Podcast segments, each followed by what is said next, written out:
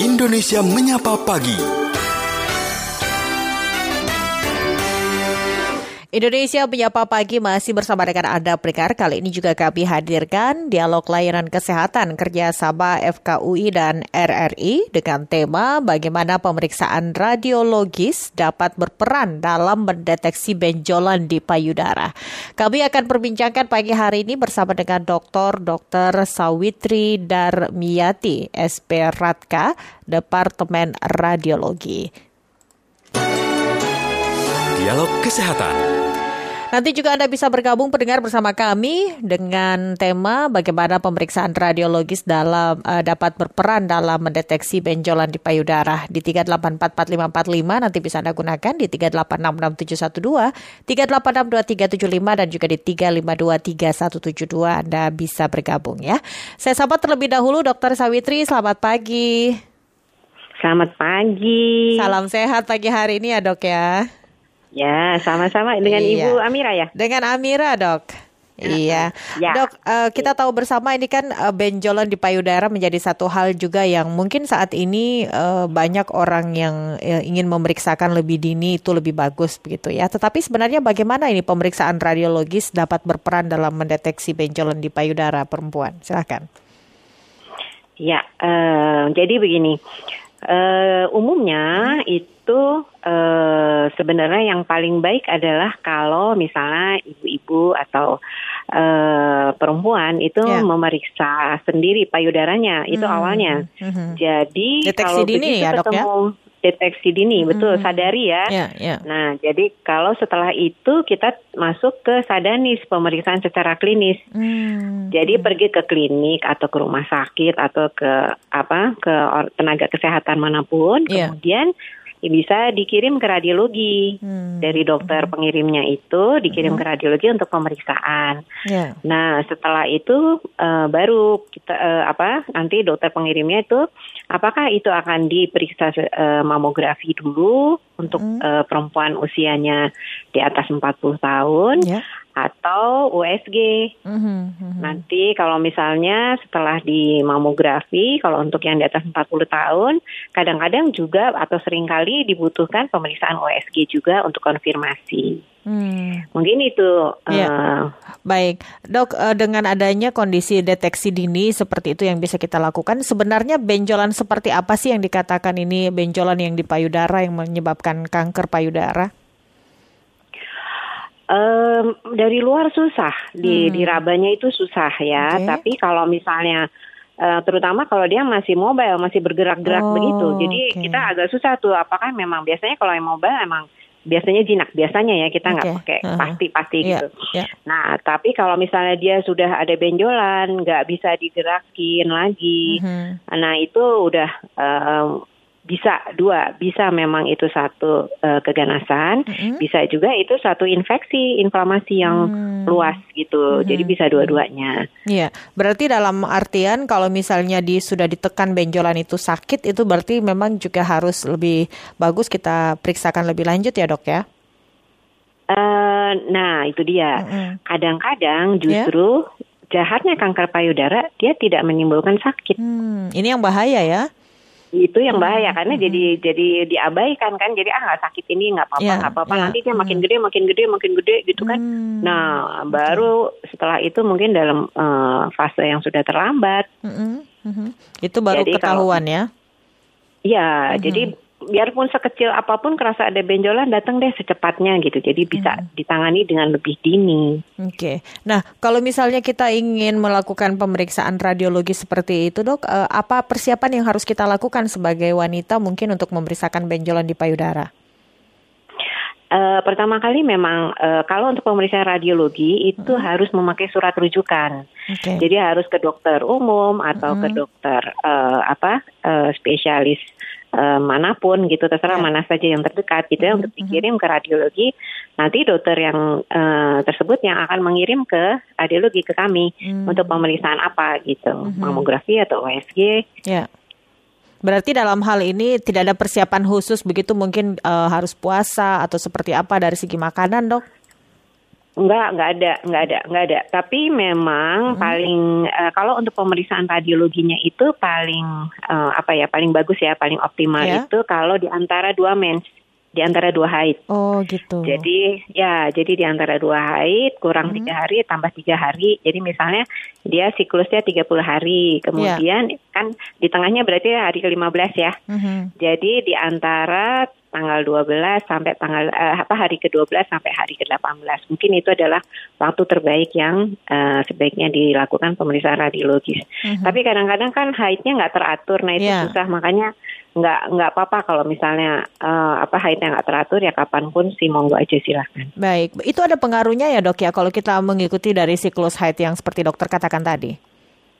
Ya, karena pada saat haid itu kan biasanya kelenjar-kelenjar payudaranya dia agak membesar ya. Hmm. Dan kalau untuk apa okay. uh, eh, kelainan yang masih kecil-kecil gitu, kadang-kadang ini kelenjar yang membesar atau bukan ya gitu. Yeah, Nanti yeah. seminggu dua minggu lagi dia mesti balik lagi gitu. Hmm, hmm. Tapi itu sih untuk menjaga-jaga saja. Iya. Nah dok, kalau kita periksa radiologi itu ada benjolan di payudara, uh, kita ketahui bahwa oh ternyata ini ganas atau tidak itu hasilnya seperti apa dok? Adakah memang dari gambarnya yang menentukan bahwa bahwa ini yang sudah tergolong sudah ganas atau ini baru benjolan biasa saja? Uh, itu memang secara radiologis kita bisa bisa mudah-mudahan kita bisa membedakan apakah mm -hmm. itu ganas atau itu jinak ya. Jadi yeah. ada ya. kriteria-kriterianya itu. Mm -hmm. uh, gambaran-gambarannya juga memberikan gambaran-gambaran yang khas. Cuman jangan uh, selalu ber apa ya namanya beropini bahwa hmm. itu pasti bisa dibedakan dengan hmm. uh, pemeriksaan radiologis. Hmm. Yang pasti itu hanya dengan pemeriksaan jaringan. Okay. Jadi kita hanya melihat gambarannya saja, hmm. uh, kemudian kita bilang ini cenderung ke jinak atau ini cenderung hmm. ke ganas hmm. gitu. Hmm. Tapi untuk hal uh, benjolan yang ada di payudara sebenarnya bagaimana dengan lifestyle ini? Apakah memang ada pengaruh lifestyle atau juga ada yang mengatakan bahwa memang karena keturunan begitu dok? Uh, keturunan itu memang uh, menjadi faktor risiko ya kalau yeah. untuk kanker payudara ya, mm-hmm. dan itu menyebabkan uh, untuk orang yang mempunyai faktor risiko seperti itu harus lebih waspada. Mm-hmm. Tapi bukan berarti bahwa dia pasti terkena, enggak. Yeah. Tapi dia harus lebih waspada dari orang yang tidak ya. Mm-hmm. Uh, kemudian tentang lifestyle, lifestyle itu ya jelas ya, misalnya yeah. kita banyak makan lemak, kita mm-hmm. banyak uh, apa namanya makan yang uh, apa sih junk food lah istilahnya gitu yeah, ya. Yeah itu uh, coba tolong dikurangi gitu. Hmm. Kalau misalnya bisa banyak makan sayur, banyak makan buah. Hmm. Gitu. Hmm. Termasuk mungkin juga di masyarakat banyak yang beredar bahwa terlalu banyak makan ajinomoto atau micin nih yang bahaya juga. itu yang akhirnya orang jadi wah jadi takut nih mau makan apa-apa mau, mau makan bakso jangan nanti ada benjolan di payudara gitu. Ini gimana dok? uh, kalau saya tuh penganut penganut apa ya penganut uh -huh. kenapa sih hidup nggak bisa dinikmatin nah, kita kan nggak makan bakso setiap hari iya. nggak yeah. makan lemak tiap hari uh -huh. gitu ya uh -huh.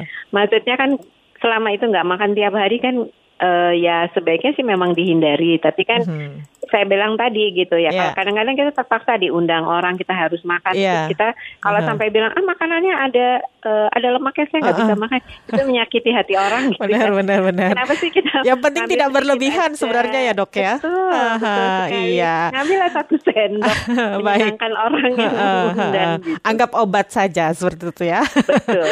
dok di sini ada pendengar kita ikut bergabung ada Pak Ramadan di Sorong. Saya sapa terlebih dahulu. Pak ya, Ramadan silakan. selamat pagi. Ya, selamat pagi Mbak. Dan ya. juga Bu Dokter ya. Iya, silakan. Sehat. Salam sehat. Ya, terima kasih atas FKHI, eh, FKUI dan FKUI. RRI ya. Mm -hmm. ya.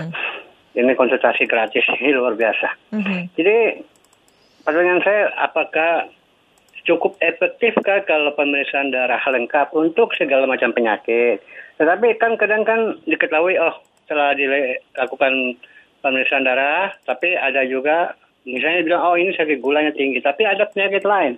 Nah, ini apakah harus dilakukan radiologi atau fototoraks untuk lebih mendalam?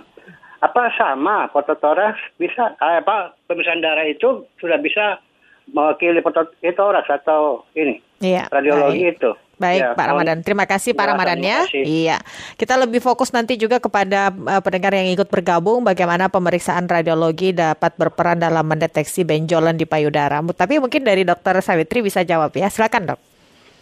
Ya, um, Pak Ramadan, jadi begini, terima kasih pertanyaannya bagus sekali ya. Jadi secara pemeriksaan laboratorium itu biasanya digunakan kalau misalnya dia sudah terbukti uh, kanker payudara dan di untuk di follow up-nya. Follow up-nya hmm. itu apakah dia uh, dalam kondisi uh, kambuh atau tidak gitu. Nah, itu yeah. bisa membantu ya. Mm -hmm. Itu kalau laboratorium, tapi untuk basic uh, apa diagnosis awal itu uh, laboratorium kadang-kadang dia normal-normal aja tuh nggak ada apa-apa hmm, gitu hmm, hmm, ya nah kalau untuk foto toraks itu kan foto dada ya jadi paru-paru yeah. sama jantung itu yang dilihat bukan payudaranya hmm, hmm. nah kalau untuk itu biasanya yang dilakukan melihat apakah misalnya dia sudah kena kanker payudara apakah ada penyebaran ke paru-parunya. Hmm, nah itu okay. diperlukan foto uh, toraksnya. Hmm, baik, berarti itu jawabannya Pak Ramadan ya. Untuk anda yang lain juga bisa bergabung di pagi hari ini pendengar di 0213844545 3866712 atau juga Anda bisa bergabung bersama kami di pagi hari ini di line interaktif kami yang lain di 3862375 atau juga di 3523172. Dan kali ini tema kita bagaimana pemeriksaan radiologis dapat berperan dalam mendeteksi benjolan di payudara masih bersama dengan Dr. Dr. Sawitri Darmiati Esperatka Departemen Radiologi. Kembali ke pendengar kami ini dok ada Pak Anto yang ikut bergabung di Ponorogo. Selamat siang Pak Anto silakan. Selamat siang Pak Anto silakan. Halo selamat siang. Iya silakan Pak Anto. Selamat siang. Iya selamat siang dokter. Iya. Hmm. Langsung Pak. mau bertanya tentang ini uh, kanker payudara itu. Mm -hmm apakah uh, untuk kaum laki-laki uh, bisa berkemungkinan? Hmm. Ya okay. itu saja. Terima Baik. kasih. Terima kasih Pak Anto di Ponorogo ya. Silakan dok. Ya, uh, terima kasih Pak Anto. Ini pertanyaannya juga bagus ya. Jadi -hmm. gini, uh, pada keadaan normal itu jaringan kelenjar payudara itu biasanya dia akan menghilang pada saat uh, bayi laki-laki lagi. Tetapi ada juga yang dia uh, ada di situ tumbuh sampai dia besar besar besar besar gitu ya mm -hmm. sampai dia dewasa dan sebagainya yeah. sehingga uh, tidak uh, apa sih uh, tidak heran kalau misalnya laki-laki juga bisa terkena kanker payudara karena mm -hmm. dia punya komponen jaringan kelenjarnya di payudaranya. Yeah. Nah uh, persentasenya kecil, cuma satu persen dari seluruh kanker payudara. Mm -hmm. Tetapi itu bisa terjadi. Jadi kalau misalnya uh, pada laki-laki uh, ada benjolan di payudara juga hmm. itu harus segera diperiksakan hmm. ya. Jadi hmm. uh, jangan ditunggu-tunggu dulu sampai besar atau sampai kondisinya juga lanjut. Hmm, baik, dok. Sebelum kita lanjutkan perbincangan di pagi hari ini, kami hadirkan sekilas berita terlebih dahulu ya, dok ya. Jangan ditutup. Ya, silakan. Ya. Kilas Berita. Pendengar pihak Kementerian Pemberdayaan Perempuan dan Perlindungan Anak Kemen PPPA menegaskan Perkawinan dini sama dengan melanggar hak anak, melanggar hak anak pun sama dengan melanggar hak asasi manusia. Hal ini disampaikan penyuluh sosial Deputi Bidang Perlindungan Khusus Anak Kemen PPPA, Atwilani Ritonga kepada Pro3 RRI. Menurutnya upaya pencegahan telah dilakukan, yaitu dengan optimalisasi anak itu sendiri. Informasi selengkapnya terkait hal ini serta informasi terupdate lainnya pendengar bisa Anda baca di laman resmi kami di rri.co.id. Kilas Berita 3, Jaringan Berita Nasional.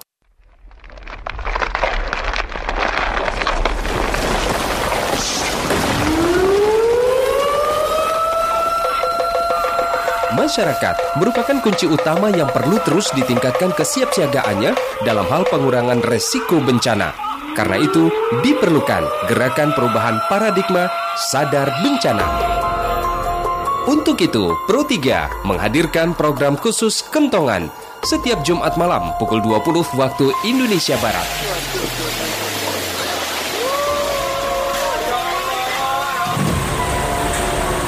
Nantikan program khusus Kentongan hanya di Pro 3.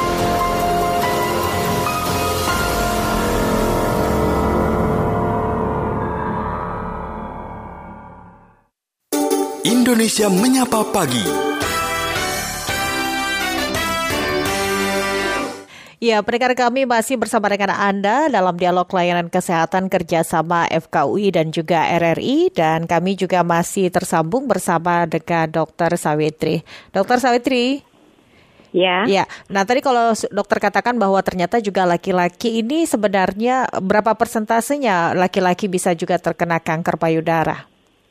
Sekitar satu persen. Satu persen ya, sangat kecil ya, ya dibandingkan perempuan ya. begitu ya. Hmm. Dok, kalau perempuan itu di usia berapa kira-kira yang memang perlu atau rentan uh, dalam hal ini harus uh, segera diperiksakan begitu kalau uh, deteksi dini kanker payudara atau benjolan di payudara?